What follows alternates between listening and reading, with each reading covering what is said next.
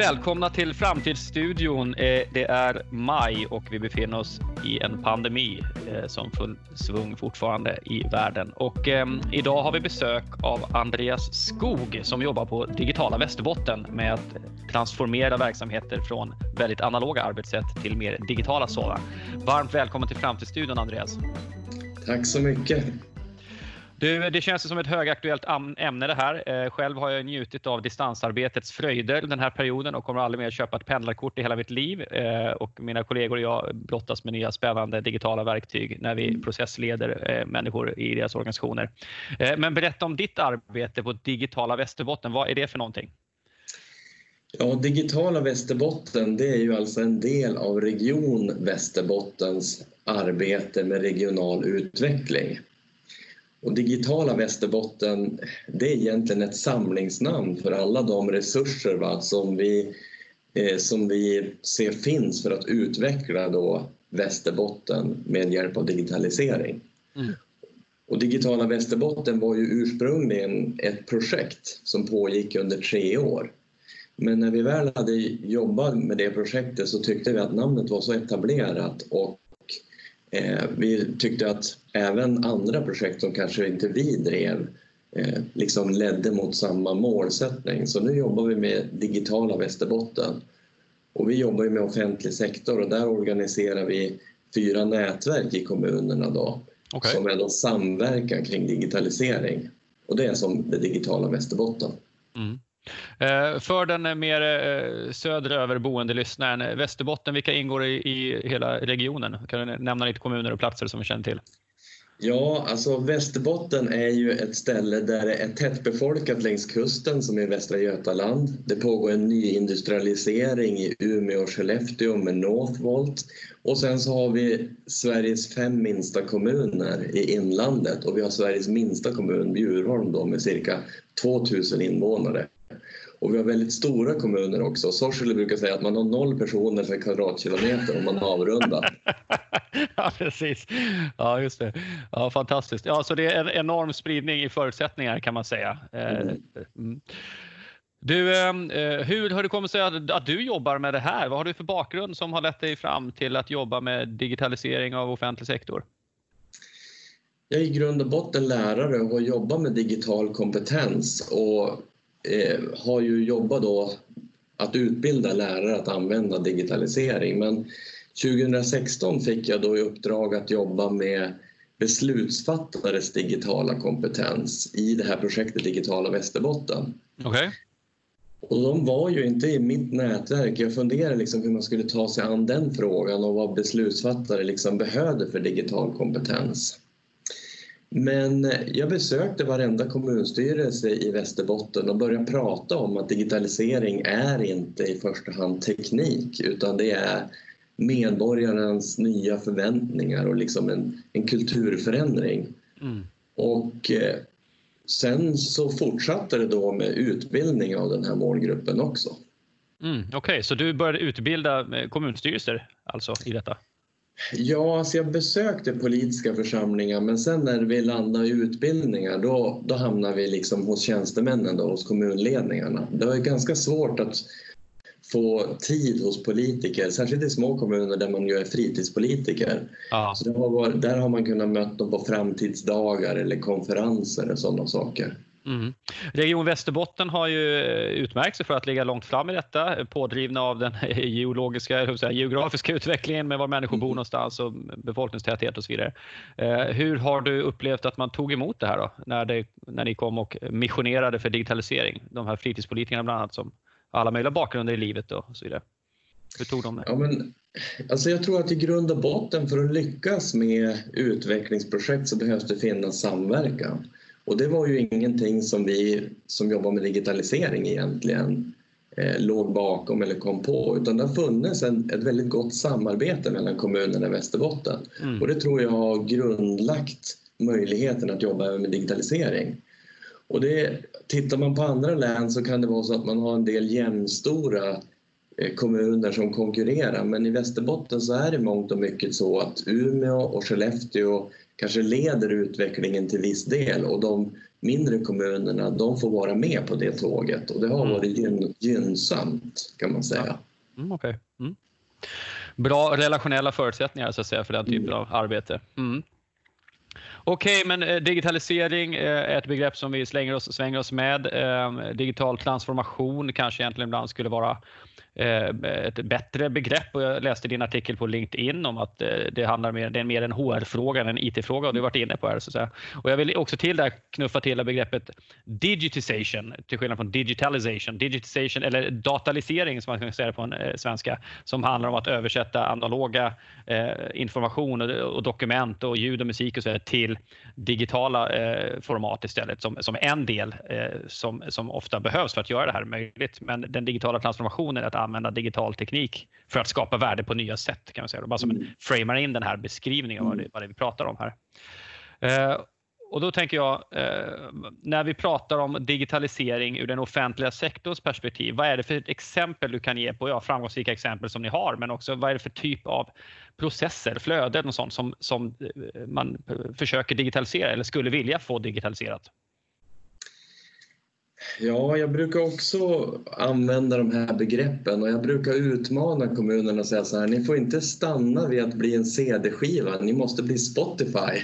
Ja, just det. det bra. liksom att, att eh, LP-skivan digitaliserar man och så blir man en CD-skiva. Liksom. Men sen så vill vi ju ha, vi vill ju att saker och ting förändras, att, att man ska kunna vara mobil, eller hur? Att man ska kunna använda data för att ge bästa möjliga service. Och helt plötsligt så så är vi Spotify och inte en CD-skiva. Mm. Och den där liknelsen brukar man eh, kunna ta på ett bra sätt. Eh, och jag, när jag har jobbat med, med det här begreppet och försökt brottas med vad, vad betyder det egentligen så har jag lite grann eh, stött mig på den brittiska regeringen de tog fram inte en digital transformationsstrategi utan de tog fram en transformationsstrategi. Och då sa de så här att vi behöver bättre förstå vad medborgarna behöver och vi måste kunna erbjuda service snabbare till en lägre kostnad och hela tiden förbättra den baserat på data och evidens. Okej, du har då hjälpt eh, i Region Västerbotten hjälpt till att utveckla ledares digitala kompetens. Och hur har ni gjort det? Vad är det de lär sig och hur går det till? Ja, I projektet Digitala Västerbotten då, så eh, fick vi en utmaning av en av de stora kommunerna där de sa så här att vi, skulle ju, vi har pratat om digitalisering i flera år men nu vill våra ledare komma igång och liksom göra digitalisering. Alltså vi, vi vill verkligen göra en utbildning tillsammans. Mm. Och då gjorde vi det. Eh, och vi utgick då ifrån eh, Dig Journeys metodik kring att leda digital transformation. Förlåt, och, alltså, Dig Journey, som är Digital Journey. Dig Journey. Ja, det är ett, ett företag eh, som består egentligen av Maria Andervin och Joakim Jansson som har skrivit en bok som heter Att leda digital transformation. Okej. Okay. Mm. Och I den här boken så har man då en metodik där man mäter den digitala mognaden och så diskuterar man hur man ska utveckla den och hur man ska leda digital förändring.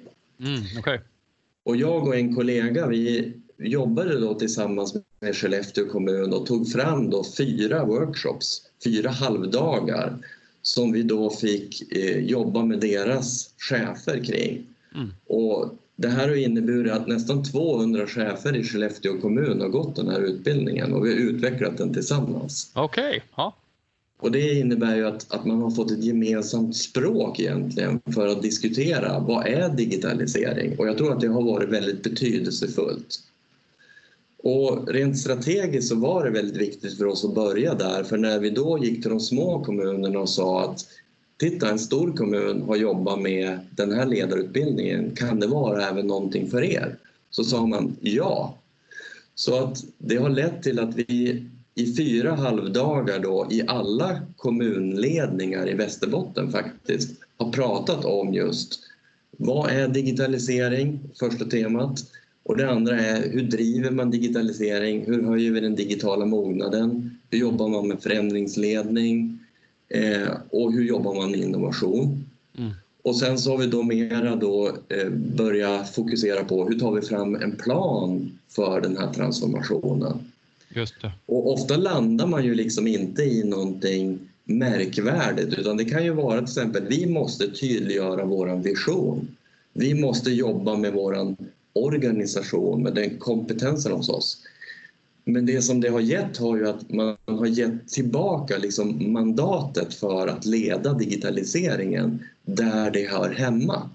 Alltså man har gett ledarna koll så att, säga. Så att de, de har då inte behövt känna att de måste ha kontroll utan Nej. de har sagt okej, okay, då förstår vi det här. Och sen så kanske har vi också rekommenderat då att man ska organisera arbetet kring digitalisering i liksom en digitaliseringsgrupp i kommunen. Och skulle vi prata privata sektorn skulle man kalla det kanske för transformationsledning. Just det. Men, men det är alltså en, en grupp egentligen som är förvaltningsöverskridande där man eh, diskuterar eh, digitaliseringen och utvecklingen och sen så bollar man det både mot politik och mot ledningsgruppen. Just det. För, land, för landar vi digitaliseringsfrågan bara hos kommunens ledningsgrupp då kommer det ofta att ta stopp för de har så många frågor på sitt mm, bord. De har en sån komplex verksamhet. Ja. Däremot så måste de förstå digitaliseringen för att kunna ge mandat åt rätt personer då att driva frågan. Mm, mm. Så det har varit framgångsrikt på så sätt att, att jag tror att kommunledningen i vår region har en grundläggande förståelse för digitalisering. Och det är som en dörröppnare också när vi nu då vill jobba med en fortsatt utveckling. Mm. Eh, informationssäkerhet, utveckling av digitala tjänster och så vidare. Just det. Ja, intressant. Flera olika saker där tycker jag är intressant. Det, första du säger är ju verkligen sant. Har man inget språk, så, så har man ingen terminologi, så det, det, är ungefär som om man går till back to basics. Har man inga ord så är det svårt att tänka. Så att säga. Mm. Man, vet man inte att någonting finns så kan man inte riktigt tänka om det kanske. Utan det där är ju naturligtvis helt grundläggande. Det blir ju helt självklart när du säger det. Det andra är så här, tycker du att det, uppfattar du att det finns något väldigt eh, särskilt med att bedriva förändringsledning kring digitalisering jämfört med annan typ av förändringsledning? Eh, har du någon uppfattning om det så att säga? Eller är det i princip samma principer eller metoder man, steg man måste gå igenom? Ja, vi har ju eh, lutat oss lite grann mot de här klassiska stegen som, som Kotter har tagit upp. Då, att skapa sense of urgency, att skapa en grupp som jobbar med det här och, och så vidare. Mm. Men det som man ändå måste komma ihåg det är det att när vi då pratar om digitalisering så pratar vi om att det här är en kulturförändring. Vi ska kommunicera på nya sätt. Och sen så går man tillbaka till kontoret och har tänkt skicka en pdf till sin kollega ändå.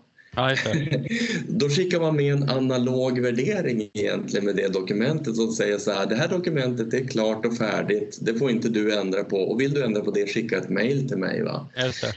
Eh, och lite grann det är väl ja. det som att leda, att leda digital förändring är ju att leda digitaliserade medarbetare. Mm. Det är ju att, att leda medarbetare som inte är inne på kontoret. Det är att leda människor som har digitaliserade förväntningar och värderingar. Mm. Så att det, det är ju en annan kulturell kontext som man ska mm. leda den här förändringen i. Och det tror jag, den dimensionen tror jag man ofta kanske glömmer bort. Och det är just skillnaden på att leda förändring och leda digital förändring, skulle jag vilja påstå. Ja, spännande. Mm, intressant. Ja, himla lärorikt det här och väldigt kul att prata med en praktiker som har gjort det här systematiskt i många sammanhang. Upplever du att de här ledningsgrupperna i mötet sen med politiken, eh, alltså jag blir så nervös och tänker att nej, borde inte politiken också behöva haka på då så att man inte bara lämnar att den nya friktionen är inte mellan, mellan er som driver digitalisering och region och, och, och kommuner där utan, och ledningsgrupper utan mellan ledningsgrupperna och politiken. Alltså hur, hur, har du sett hur politiken har tagit emot de här nu eh, berikade ledningsgrupperna? Ja, alltså först vill jag säga att det viktiga är ju att man hittar en samsyn. För det finns ju ingen som säger nej till digitalisering. Nej. Men just den här att man har suttit ner och pratat. Vad menar vi egentligen i vår kommun när vi säger att vi ska satsa på digitalisering? Det samtalet har ofta inte skett, vare sig det är en stor kommun eller en liten kommun. Mm. Och sen är det ju ofta så att politikerna säger ju så här att ja, men vi har ju sagt ja till det här och vi har sagt att ni ska liksom jobba med digitalisering. Vi tror att det är en, en gångbar väg och så, och så tänker man att vi kanske inte behöver förstå det här på ett djupare plan.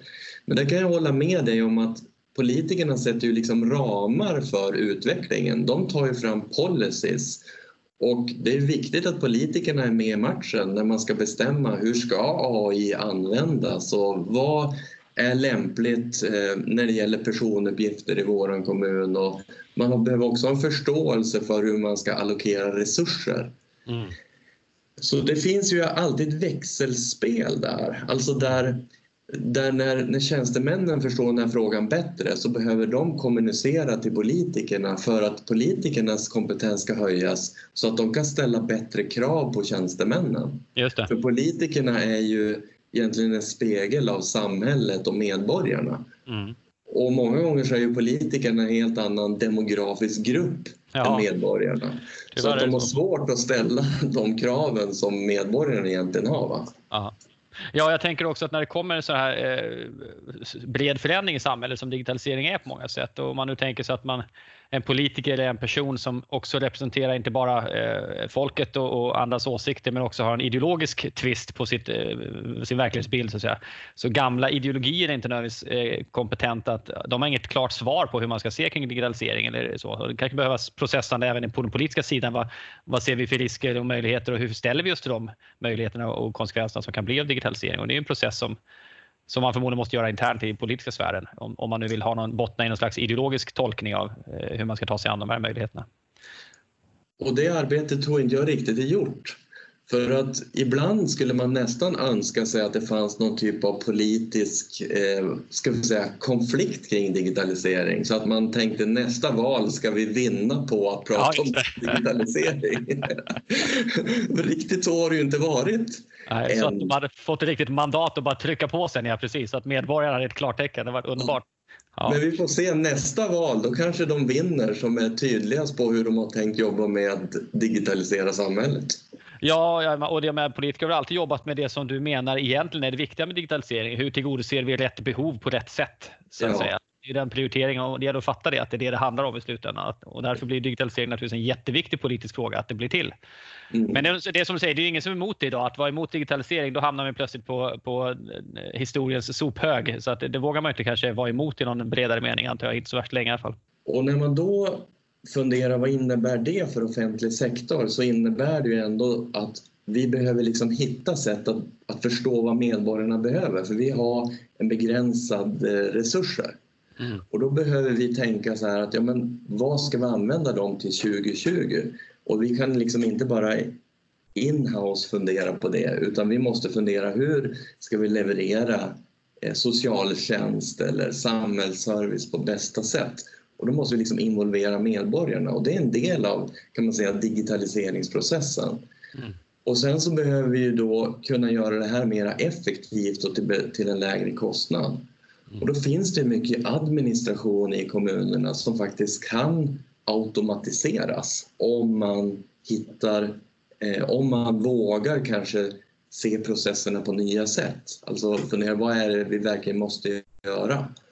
Och så behöver vi jobba baserat på dataevidens. Alltså, vi måste så att säga, jag tycker det är en rolig liknelse.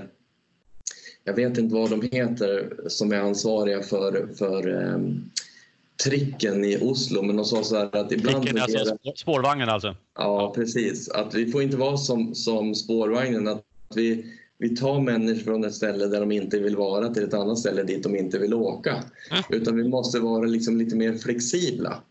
Ja, men det finns en del goda exempel, bland annat från Skellefteå där man har jobbat på deras lönehantering och kunna automatisera vissa processer. Och bland annat till exempel arbetsgivarintyg. Så förut så, så kunde man göra det på massa olika sätt. Man kunde mejla och skriva lappar och allt möjligt. Men nu har man då automatiserat det här genom att alla måste använda en e-tjänst och sen genereras det här automatiskt och så får den som har haft ett jobb då ladda ner det här arbetsgivarintyget. Ah, okay. Mm. Till exempel. Mm, just det. Och när du pratar om digitalisering och varit ute och mött eh, både kommunföreträdare och tjänstemän och folk i allmänhet. Så här, ser du någon vanlig fördom eller missuppfattning kring det här? Vad det, vad det folk tänker på, vad de associerar till? Ja, alltså eh, den vanligaste fördomen fortfarande får man väl säga, det är ju att digitalisering skulle vara en IT-fråga eller att det skulle kunna vara en teknikfråga. Mm. Eller att man måste liksom kunna saker om teknik eller vara intresserad av teknik. Och det var ju lite grann det här som vi ville motverka när vi jobbar med en utbildning för kommunledningar kring digitalisering. För det kunde ju vara många olika typer av frågor som kom till kommunen då när det gäller digitalisering. Kommunledningen berättar vi får flera mejl om dagen om digitalisering och så kanske man lämnar över det här då till IT-chefen. Mm. Och IT-chefen hade ju inga verktyg för att jobba med verksamhetsutveckling eller liksom transformation av Nej. hela verksamheten. Utan det måste ju landa hos dem som både har eh, budgetansvar och personalansvar och sådana saker va? eftersom det innebär ju genomgripande förändringar för hela verksamheten. Mm. Så det är väl fortfarande den vanligaste uppfattningen att jag är ju ingen digital person eller jag gillar ju inte det här med teknik. Det. Att, det, att det skulle vara någon, att det skulle handla om teknik. Mm. Ja, intressant det här med, med hur man ser på eh, digitalisering, då, om det är en teknikfråga eller inte. Eh, och det får mig att tänka på att när jag håller föredrag ibland så eh, har jag spekulerat i att en del sektorer, olika branscher kan vara olika snabba på att anamma, anamma ny teknik helt enkelt för att eh, olika människor söker sig till olika typer av jobb. Eh, och en del, många som söker sig till jobb inom offentlig sektor till exempel är intresserade av människor, människors välmående, människors lärande och sådana andra saker. Så och, eh, det behöver inte vara i konflikt med att man tycker om att använda ny teknik, men det är inte det som driver en så att säga. Och man, hade man väldigt intresserad av det hamnat, förmodligen hamnat i någon annan bransch eller sektor så att säga. Håller du med om att det finns en, kan finnas en kulturell utmaning i vissa eh, arbetsgemenskaper eh, kring eh, attityden till, till teknik? Inte att man skulle vara så att säga, fientlig, bara att det liksom tar lite, det, det ligger inte lika naturligt naturligt att börja eh, söka efter nya spännande tekniska lösningar för man har helt enkelt inte det huvudfokuset. Eller är det mer en personfråga eh, från varje individ till individ? För det är intressant att veta som, som chef för en organisation och att vem blir chef för en viss organisation som jobbar med en viss typ av frågor. Eh, mm. finns det en stor risk att cheferna också är sådana som tycker att teknik är väl någonting som är bra att det finns, men det kan någon annan jobba med så att säga.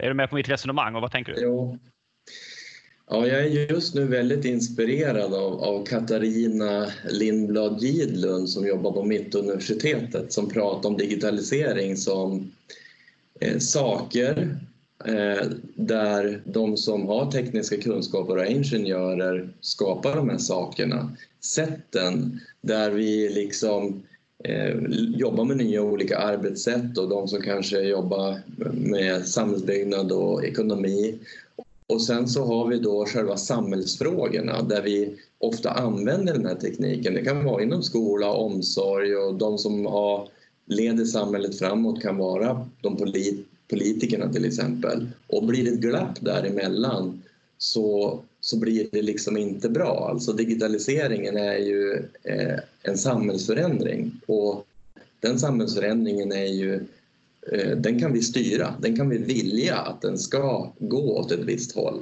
Ja, eh, det. Och, det, och det måste liksom lira ihop med de här prylarna och då kan det ju lätt bli så att om man in, då blir det liksom de här sakerna som att ska man då göra ett digitaliseringsprojekt då väljer man ut de som är intresserade av tekniken och är aktiva, överordnat aktiva brukar vi prata om. Okay. Men man väljer inte ut de här som är är skeptiska och känner sig underordnade. Och då, är det ju, då kan det ju lätt bli lite fel. Alltså då kan det ju lätt bli så att man inte anpassar digitaliseringen efter verksamhetens behov utan utifrån de som är tekniskt intresserade.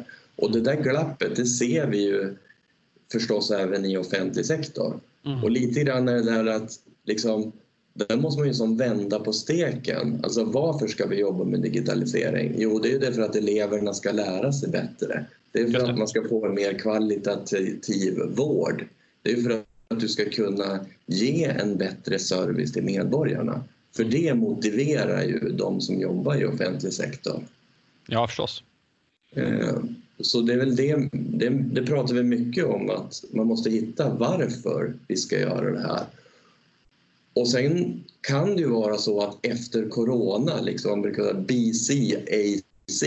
Ja, just det. Before corona, after corona. Då har ju helt plötsligt väldigt många i offentlig sektor liksom blivit tryckta in i framtiden. Eh, och det är inte längre någon diskussion kring att använda digitala verktyg utan nu försöker vi verkligen göra det för att nå de mål som vi har framför oss. Va? Ja. Så, så, det finns ju både det där man måste hitta sitt varför och så nu helt plötsligt så finns en så kallad sense of urgency som gör att vi har helt enkelt bara hoppat i vattnet och testat. Ja, just det. Apropå det då, folk som är mottagare för teknikanvändning. Jag gissar att en, de små kommunerna du pratar om, om de är som vanliga små kommuner så är det ju en stor utflytt av yngre och en högre proportion av äldre i de kommunerna. Mm. Eh, ser du några särskilda utmaningar i det, i de verksamheter som jobbar gentemot äldre och, och möjligheten att digitalisera eller är det mer på individ, skillnaden på individnivå hänger upp i attityder och tillgänglighet? Ja, just, det, just det perspektivet märker jag inte. Nej. Och jag skulle vilja påstå att alltså det som är så bra med Västerbotten det är ju att Skellefteå som leder arbetet med e-tjänster som de mindre kommunerna också är med på, de har ju varit väldigt tydliga. Det som är bra för de små kommunerna det är bra även för Skellefteå och vice versa. Okay. Och vi har väl försökt liksom jobba med det här perspektivet att alla medborgare i Västerbotten ska kunna få samma digitala service oavsett var man bor i Västerbotten. Ja. Och det gör ju att även den här minsta kommunen, Bjurholm, de har kunnat använda samma e-tjänster som är utvecklade i Skellefteå. Ja. Så jag tror att relativt sett så har deras medborgare fått, kan man säga, god tillgång till digital service och de som jobbar i Bjurholm eh, tror jag är lika motiverade att ge digital service som i en stor kommun. Det är min uppfattning i alla fall. Ja, det, det där var ju väldigt intressant för att eh, jag har ju i mitt, eh, min, min profil så att säga, som konsult så är det mycket diskussion om samhällskontraktet och vad vi kan förvänta oss mellan, mellan eh, stat och medborgare och medborgare emellan. Och vi såg i en studie vi gjorde att över 80 procent av svenskarna menar att vi ska få samma vård och samhällsservice oavsett var vi bor. Och nu tycker jag det var intressant när du säger att de fick eh, lika bra digital service. Och stoppar man in ordet digital så känns det plötsligt som ett mål som är mycket mer sannolikt att nå än mm. om vi mm. skulle ha en, eh, samma fysiska samhällsservice och ser framåt. Eh, är, det, är det den vägen vi är på väg tror du? Alltså att vi, vi det är rätt uppenbart att vi behöver så säga, digitalisering av offentliga tjänster för att vara i närheten av lika eh, service för alla medborgare. Så att säga. Men, men är det där vi kommer ha referensramen? Ja, men vi har i alla fall samma digitala service. Är det det vi kommer gå mot tror du? Att man nöjer sig med det om jag uttrycker mig så? Ja, alltså jag tror det för att eh, vi har ju många små kommuner och det pratas ju ibland då och då. Borde man liksom inte slå ihop de här kommunerna? Och då brukar man liksom säga att ja, men slår vi ihop två tomma börsar så blir det liksom inte mer pengar för det så att säga. Eh, och vi saknar ju också kanske experter, alltså man behöver ett visst mått av, av liksom de som har djup sakkunskap i varje kommun också. Men där pratar man allt mer om samverkan och då tror jag att den här om vi har en gemensam digital service så skulle det kunna innebära att en handläggare i en kommun kan handlägga ärenden för många andra kommuner. Varför skulle vi liksom inte egentligen kunna ha eh, digital service tillsammans mm. över kommungränserna? Mm. Det tror jag liksom är nästa steg i den här utvecklingen. Eh, för, för, för medborgaren som bor i en kommun men har mamma och pappa i en annan kommun och jobbar i en tredje så är den här geografin egentligen inte så intressant. Nej. Och då borde den offentliga servicen också vara mera sömlös. Så det, det tror jag är något som vi kommer att se framöver. Men då tänker jag, eh, kommer digitaliseringen då kanske också innebära en centralisering? Att vi kommer att se regioner som tar upp uppdrag eller arbete för ett gäng kommuner och att det hamnar på den nivån istället? Jag tycker frågan är intressant eftersom nu har vi verkligen region-Sverige. Nu är liksom alla regioner på plats och en del har jobbat i 10-15 år och andra är rätt nya, eller väldigt nya. Och man utvecklar till exempel regionala utvecklingsplaner och utvecklingsstrategier. Så att säga. Och redan där dyker frågan upp, så här, okay, vad betyder en regional utvecklingsplan i förhållande till en kommunal plan eller strategi? Så att säga? Vem är som trumfar vilken om man skulle ha en intressekonflikt? Så att säga. Så redan där är frågan väckt om kommuners självstyre och, och, och autonomi så att säga, eh, versus regionernas eh, uppdrag att utveckla en region. Och här kommer en annan aspekt in då där digitalisering skulle möjliggöra och effektivisera för framförallt små kommuner. Att nej, men vi, vi centraliserar det och, och, och slipper bära de här kostnaderna eh, själva lika mycket. Så. Vad, vad tror du? Kommer det knuffa i riktning att regionerna får mer makt och mandat? Och det är svårt att svara på. Och det här Speciellt när man ju... regionen kanske, förlåt. ja, men jag tänker också så här att Region Västerbotten är lite speciellt för att det som hette Region Västerbotten för två år sedan, det var ju faktiskt en en samarbetsorganisation mellan då landstinget och kommunerna med samma organisationsnummer. Okay. Medan nu, det som är nu Region Västerbotten, det är ju så att säga hälso och sjukvård och regional utveckling och kommunerna är ju inte en del av den organisationen. Och det innebär ju ännu större krav på samverkan mellan kommunerna å sin sida och regionen å sin sida.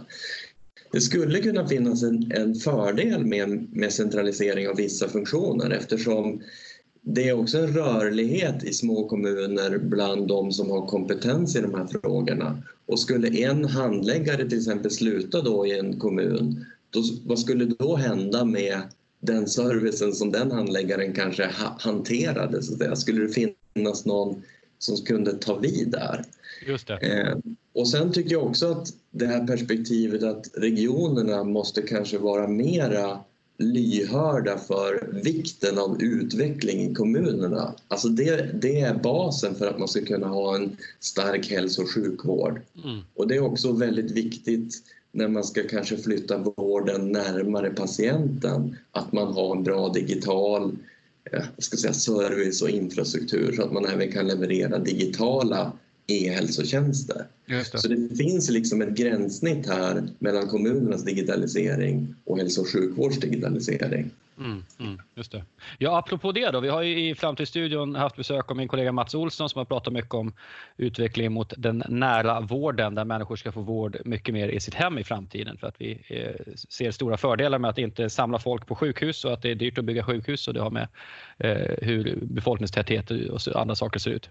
Och eh, det här är något som Mats beskriver som ett ämne som eh, alla som är djupt insatta vet måste till men där politiken inte alltid riktigt har fått uppmärksamhet för den här frågan. Eh, bara eh, din, din reflektion, är det här att eh, nära vårdprocessen, alltså att få till det här enorma skiftet, är det någonting som du märker i mötet med kommunpolitiker i Region Västerbotten eller hur, hur ser det ut? Håller du med om bilden att det här är en fråga som skulle behöva högre upp på dagordningen om det ska bli av? Eh, ja, och på samma gång så skulle jag vilja säga att var man än åker ut i Västerbotten så säger han så här eh, det här måste ju kunna gå att lösas på distans. Vi kan ju inte behöva åka liksom 25 mil in till Umeå för ett återbesök efter en operation utan det måste ju kunna lösas på distans. Ja. Och då finns det ju faktiskt goda exempel i Storumans kommun, det virtuella hälsorummet i Slussfors där man ju under flera års tid faktiskt har eh, låtit då eh, framförallt kanske det äldre då komma in i det här. Det är ett rum då i en, i en skola där man då kan få mäta blodtryck och träffa sin doktor och få göra vissa undersökningar.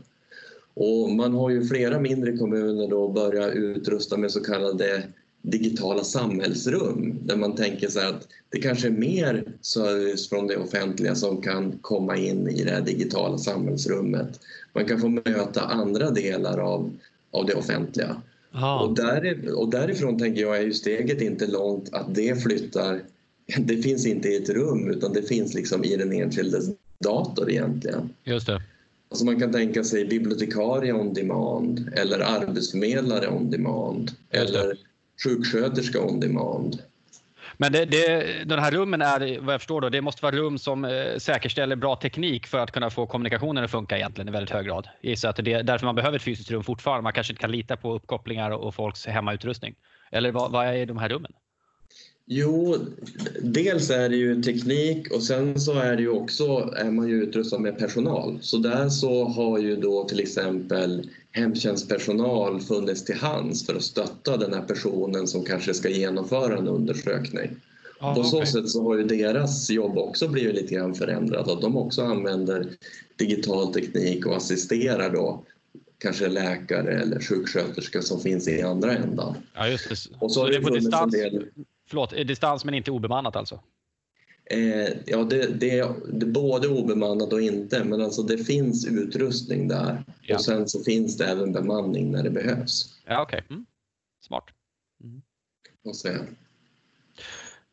Du var inne på det här med att eh, digitaliseringen, digital transformation, det är, en, det är en HR-fråga, det är en ledningsfråga, det är något som de högst upp med mest mandat måste driva för att det här handlar inte så mycket om tekniken. Tekniken finns, det går att hitta nytt, det går att utveckla nytt och så vidare, men det, det är transformation av kultur och arbetssätt som det handlar om. Och då undrar jag, vad skulle du säga är de största utmaningarna för ledare som vill digitalisera sin organisation eller göra den här digitala transformationen? Vad är det för utmaningar man möter?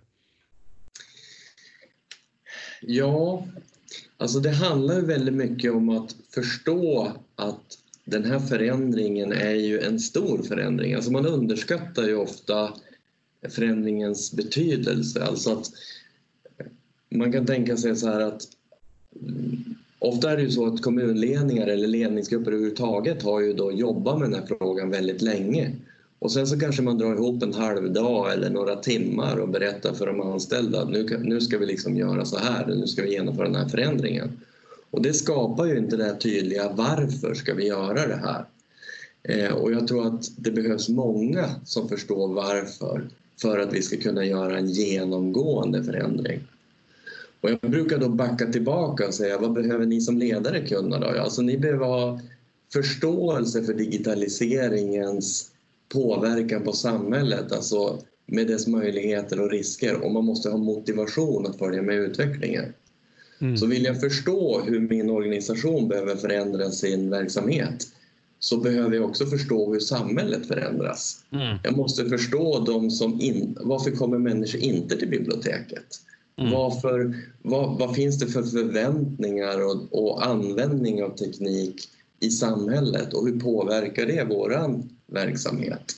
Så många gånger så underskattar man, alltså man reducerar digitaliseringen till en för liten sak tycker jag. Ja. Och då är det också svårt att känna det här, varför ska vi göra det här? Så det är den största utmaningen att man kanske har liksom någon typ av, att man vågar ha någon typ av vision varför vi ska göra det. Mm, Utan man okay. hoppar för snabbt på lösningen. Ja, men vi ordnar en app eller vi, vi köper in en teknik. Kan man säga. Eh, bara en detaljfråga. Generellt sett, är det smart att göra appar? Är det bra lösningar att göra på egen hand? Det är många som kommer på det för det är så konkret och det är som lite cykelställsfråga som man säger ibland i styrelserummen. Det är lätt att diskutera sådana saker. Men är det en app, att starta en app bland alla miljarders appar som finns, är det, är det en vinnande koncept i allmänhet? Jag är lite nyfiken här. Eh, jag skulle säga nej. Men det, det, svaret bygger inte på att jag kan så mycket om frågan. Men alltså problemet med, eh, med den typen av lösning det är ju den här att vi hittar en lösning, vi gör en kommunapp. Och sen så funderar man i bak, bakåt istället. Vad finns det för infrastruktur för det här? Hur fyller vi det här med data? Vem ansvarar för det här? Har vi rätt kompetenser? Ja. Varför skulle vi göra den här appen? Istället för att göra tvärtom. Okay. Mm. Alltså att eh, nu så är det så att vi ska så att säga ge god service till äldre i vår kommun. Vad behöver vi då för kompetenser för att kunna hantera det? Vad behöver vi för lärande? Vad behöver vi för infrastruktur? Ja. Eh, ja, vad, vad, hur ska vi analysera de data vi har? Ja, då, sen får vi fundera vilken lösning det innebär. Mm. Ja, jag, jag, vill också lyfta att det är så oerhört svårt att få en app att sprida sig tror jag. Alltså det är verkligen eh, mycket, mycket knepigt att lyckas få någon större effekt på det. Och, och risken finns väl här, jag tänker på det som det här tänka fort och långsamt. Nej, tänka snabbt och långsamt. Boken handlar om hur vi hur våra tankeprocesser styrs av bland annat vad vi vet, och vad vi känner till och en app är ett konkret exempel som alla vet vad det är för någon typ av digital eh, verktyg eller digitalisering. Så att säga. Så det är kanske är lätt ibland att tänka sig en sån, sån väg framåt för att bli digitaliserad. Men eh, som du säger, man måste verkligen tänka efter eh, varför man ska göra det och vem som ska ha nytta av de här grejerna. Eh, men du pratar om att vi måste ha ett tydligt varför. Vi får inte underskatta storleken så att säga, på förändring när vi ska gå över till digitala arbetssätt. Och vi har, det finns en eh, stort värde i att som ledare förstå vilka förändringar som sker på en bredare front i samhället kring det här. Och en av de förändringarna som jag antar att du pekar på här också, det är ju att om vi digitaliserar en tjänst, eh, går från analog till digital version så blir den oftast inte bara dubbelt så effektiv utan den kanske blir 10 eller 100 gånger så effektiv om den är välgjord naturligtvis. så att säga. Och att det där hela tiden ökar eh, medborgarnas serviceförväntan. Eh, för att eh, man är van att man ska få saker 24-7 och så vidare och den kommun som ligger sist där eller den region som ligger sist där kommer upplevas som, eh, som eh, långt, långt efter och tappa i, i förtroende och relation till medborgarna. Och jag tänker så här, Eh, man måste hitta ett varför säger du, men om jag är lite krass så säger, ja men eh, finns det ett alternativ idag?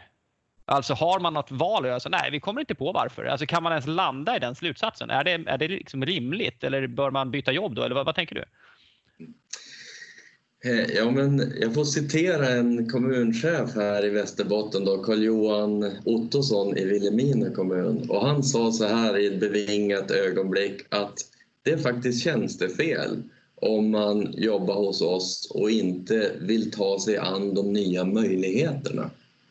Alltså det är dit man måste komma. Man måste förstå att finns det nya möjligheter att göra saker på ett bättre och mer effektivt och mer värdeskapande sätt. Hur kan man då så att säga, säga nej till det? Eh, och det, det, är en ganska tydlig ut, utsaga och, och, så kan man ju förstås tycka att det finns inga alternativ. Men jag ser ju mycket till individen. Alltså vi behöver ju, alltså framgångsrik digitalisering det handlar ju om empati, det handlar ju om trygghet, det handlar ju om arbetsglädje, det handlar om många av de här liksom, typiska sakerna som vi måste jobba med i förändring. För att när vi jobbar med förändring så hamnar ju många gånger medarbetare i, i liksom den här kurvan där man liksom går neråt och det är sorgligt och tråkigt och den måste vi liksom försöka minska. Många gånger som ledare har man kanske kommit förbi det där och kommit in i liksom en produktiv fas där man tänker att det här ska nog ordna sig. Medan man har medarbetare som är hela vägen i den här kurvan. Ja, just det. Just det. Så att där gäller det att skapa utrymme, bland, att låta medarbetarna sätta ord på farhågor och, och oro och sådana saker också. Att man får upp dem på bordet och kan bemöta och, och dela tankar om det. Eller? Absolut, och var tydlig, informera mycket mer än vad man tror. Alltså leva den här strategin, leva visionen, prata om den, informera mycket, mycket mer än vad man tror. Ja. Eh, det räcker inte med att man berättar att nu ska vi göra det här vägvalet och, och därför, utan vi måste liksom processa det här och försöka hela tiden berätta vad händer nu. Och många gånger så får man ju höra om att ja, men det här systemet funkar inte och man kanske har en ganska begränsad syn när man jobbar i en verksamhet, att man ser bara sin egen verksamhet. Och då tror jag det är viktigt att man som ledare vågar bredda perspektivet, säga att vi har gjort det här vägvalet för att vi ska kunna använda data i alla system eller om ett år då kommer vi att, ändra det här. Och alltså att man, man breddar synen på det lite grann så att medarbetaren får förståelse i ett större sammanhang hur digitaliseringen påverkar verksamheten. Då får man mer fördrag med digitaliseringens problem också. Just det. Det här klassiska att veta att jag sätter inte bara tegelstenar på varandra utan jag bygger en katedral som brukar användas som exempel. Precis. Precis. Ja. Det är Framtidsstudion och vi diskuterar digitalisering med Andreas Skog på Digitala Västerbotten. Och jag tänkte nu, nu har vi pratat lite om utmaningar för ledare och, och vad digitalisering är för någonting. Eh, en fråga som jag klurar på, det är vi har en väldig förhoppning om att vi ska produktivitetsöka eh, offentlig sektor, eh, så att det är framförallt det vi pratar om här nu, med digitalisering. Hur stor är potentialen? En eh, väldigt kvantitativ fråga här, men Eh, vad, vad, är, vad, är, potentialen? Finns det några beräkningar? Finns det någon forskning som visar på vad vi skulle kunna spara om vi lyckades digitalisera på ett optimalt sätt? Ja, det finns en forskning som visar att alla arbeten kommer att kunna automatiseras till viss del, alltså vissa delar av vårt arbete. Och det är ju väldigt många av oss som jobbar i offentlig sektor som jobbar med administrativa uppgifter och där kommer vi ju givetvis och förhoppningsvis att kunna kapa en hel del tid. Men sen är det ju kluriga då att skapa värde av den tiden som vi så att säga minskar. Och jag tror ju mycket att vi kan ju, alltså när vi ser nu här i coronatider att vi blir bra på att använda digitala verktyg, då inser vi att många saker kan man faktiskt göra bättre med digitaliseringens hjälp. När vi använder den digitala dimensionen så kan vi dokumentera på ett nytt sätt, vi kan förstärka, vi kan, vi kan göra det mer individualiserat, vi kan göra det snabbare, smidigare. Så framförallt det ser jag som tydliga liksom, effekter av digitaliseringen. Sen så kan jag faktiskt inte riktigt svara på den där frågan. Liksom hur mycket effektivare kan det här bli? Jag tycker att, att man får lite olika bud eh, när man hör då att man har tagit fram, alltså olika institut kanske har tagit fram beräkningar på det här. Va? Eh, så att jag, jag, tror att det är ganska oklart än hur mycket kvantitativt vi kan Eh, tjäna men jag tror att det finns väldigt mycket kvalitativt vi kan tjäna på digitaliseringen. Ja, Ja, spännande. Och det här är vi lite tillbaka på det här med datalisering och digitalisering. Det här ena att bara omsätta saker till, till andra format versus att hitta helt nya arbetssätt och helt nya eh, tjänstelösningar med, som du säger, en annan, en annan effekt. Inte minst individualisering som du är inne på. Då. Eh, och när vi nu pratar om data, eh, det har pratats mycket om Big Data Analysis eh, de senaste tio åren. Eh, vi har eh, skapat ett system där vi kommunicerar och interagerar allt mer via de här digitala plattformarna på olika sätt. Det här gör att vi lämnar digitala spår. De här digitala spåren kan lagras och analyseras. Och det här måste ju vara naturligtvis eh, högintressant för offentlig sektor. Vi har ju varit med själva här i ett, i ett, stort projekt för en annan region där man analyserade var någonstans man bör förlägga vård genom att analysera enorma mängder mm, så att säga, registrerade små, små moment, vårdmoment eh, i olika typer av vårdprocesser och ser var någonstans sker de här vårdmomenten mest och vilka sker i förhållande till vilka och sådana saker. Eh, är det här ett område som ni har jobbat på att liksom effektivisera vården genom Big Data Analysis i Region Västerbotten? Eh, ja, vi, vi jobbar ju givetvis med den här frågan och i, inom Region Västerbottens hälso och sjukvårdsdel så har man ju utmärkt att det finns en del som jobbar just med digitalisering. man har tagit fram en strategi just för hälso och sjukvårdens digitalisering. Mm. Så jag tror att det här är en enormt viktig och prioriterad fråga även för oss. Men jag tror att det finns ju ganska mycket som fortfarande ska säga, begränsar vår användning av data för att eh, liksom effektivisera på det sätt som skulle kunna göras. Eh, det finns en intressant studie, forskning eh, Institutet för framtidsstudier har tagit fram en rapport som heter Den förbjudna framtiden. Du får inte häda och säga deras namn här, men okej, det gick bra den här gången. Ja, Skämtar bara, de är duktiga. Kör på. Nej, men alltså, den, den, den, digitaliserade kommunen, alltså den datadrivna kommunen, det är liksom en förbjuden framtid just nu. Mm. Och lite grann är det ju samma med hälso och sjukvård. Alltså vi, det är väldigt viktigt att digitaliseringen sker på ett sådant sätt så att människor känner sig trygga. Mm. Eh, för att förtroende är en viktig liksom, valuta i det här. Och just nu så finns det ju begränsningar hur vi kan använda de personliga data på det mest effektiva sättet givetvis. Mm, mm, mm. Eh, men jag jobbar inte så mycket med den frågan så jag har svårt att faktiskt eh, riktigt svara för hela Region Västerbotten. Ja, just det. Just det. Mm. Men den här säkerhetsfrågan är ju någonting som har diskuterats till och från eh, hur man ska kunna inte komma runt det ska jag säga, men hitta nya sätt. Och det här är väl en del av eh, relationen medborgare och eh, offentlighet, så att säga, offentliga sektorn. Så att säga. Vad ska man eh, dela med sig av för att kunna få den effektivare vård som det faktiskt ligger i, i, i det, potential för i det här. Kan vi analysera datan så kan vi också rikta resurserna mer effektivt och det vinner ju naturligtvis alla på här. Så det är en spännande, spännande eh, fråga som vi följer framåt. Eh, vi spelar in det här ju i maj 2020 och det pågår en pandemi, eh, den första i min generation eh, som eh, vi får uppleva och det här kommer naturligtvis förändra samhället på många olika sätt. Vi har ingen riktigt klar bild av hur stora de ekonomiska effekterna blir men att de blir stora kan vi räkna med. Pandemin är på inget sätt över även om det just nu har, läget just nu i Sverige är väl en positiv utveckling. Men vilka konsekvenser tror du att vi kommer se? Vad kommer corona förändra i våra liv? Vad blir det nya normala?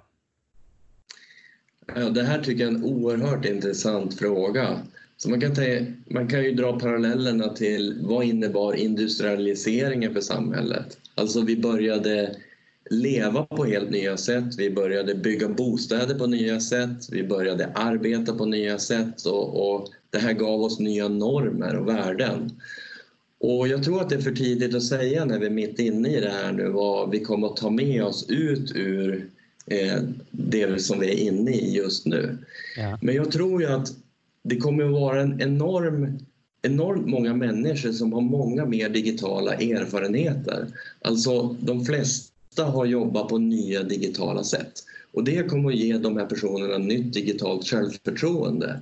Och det kommer också kanske att motivera oss på ett helt annat sätt att satsa på digital infrastruktur som håller även i skakiga tider.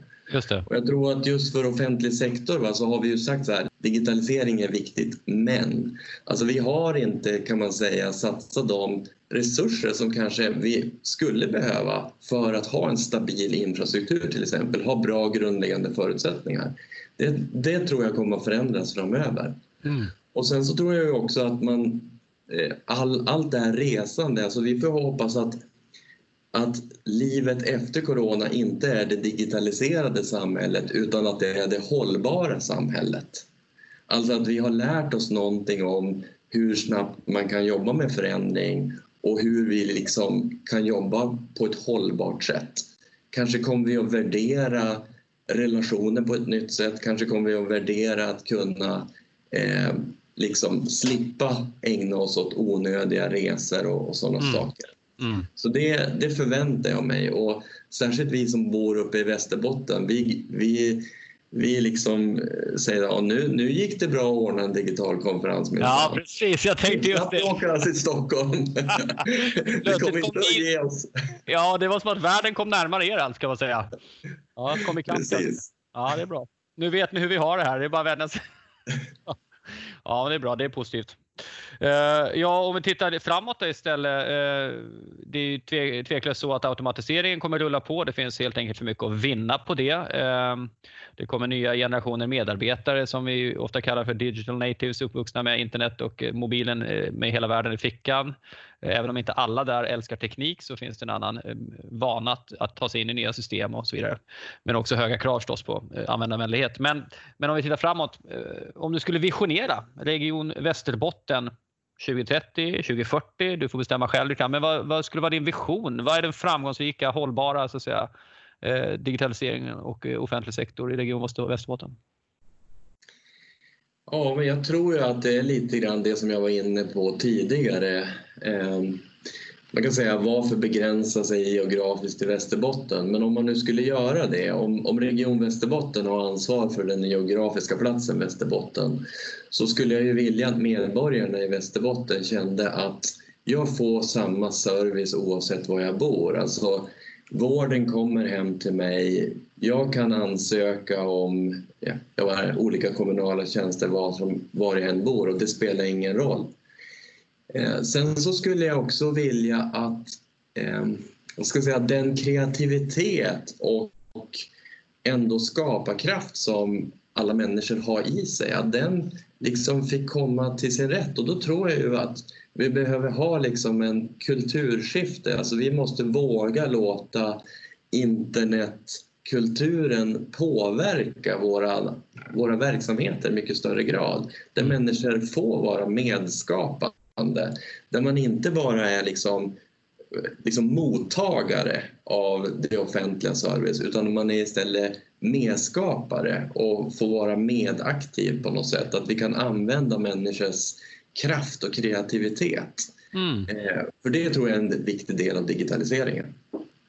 Det blir en annat, ett, återigen ett annat samhällskontrakt där medborgaren både förväntar sig och har möjlighet att vara med mer aktivt i, i produktionen av välfärd om man uttrycker sig lite byråkratiskt. Intressant, ja. för där tror jag att vi har ju, vi har ju sett en utveckling i samhället där, där samhället har ju professionaliserats med all vår eh, ständigt växande kunskapsmassa och högre krav på certifieringar och examina och så vidare, vilket gjort det svårare och svårare för människor att vara delaktiga i samhället också. Eh, inte den enda faktorn till kanske en mer passiv medborgare, men en av faktorerna varför det är lite svårare att vara med. Så att du ser en möjlig vändning här och det är ju superintressant tanke när vi nu brottas med demokratins utmaningar och eh, människors ibland växande oro för att samhället inte ska hålla ihop eller inte fungera, resurserna tryter och, och så vidare. Och så vidare. Så att, eh, ja, härligt, härligt en, en eh, peak end att landa på. Du Andreas, eh, supertack för ett spännande samtal. Eh, vi har anledning att höras framöver igen tycker jag, så får vi göra en liten uppdatering om en tid och se vad, vad som har hänt på den här fronten. Men stort tack för den här gången och lycka till med regionens utveckling. Tack så mycket. Då rundar vi av för denna gång. Eh, vi återkommer snart med ett nytt avsnitt. Eh, vi har spännande eh, teman kring hälsa och annat framöver. Men för just nu så säger vi tack från Framtidsstudion. Jag heter Fredrik Thorberger.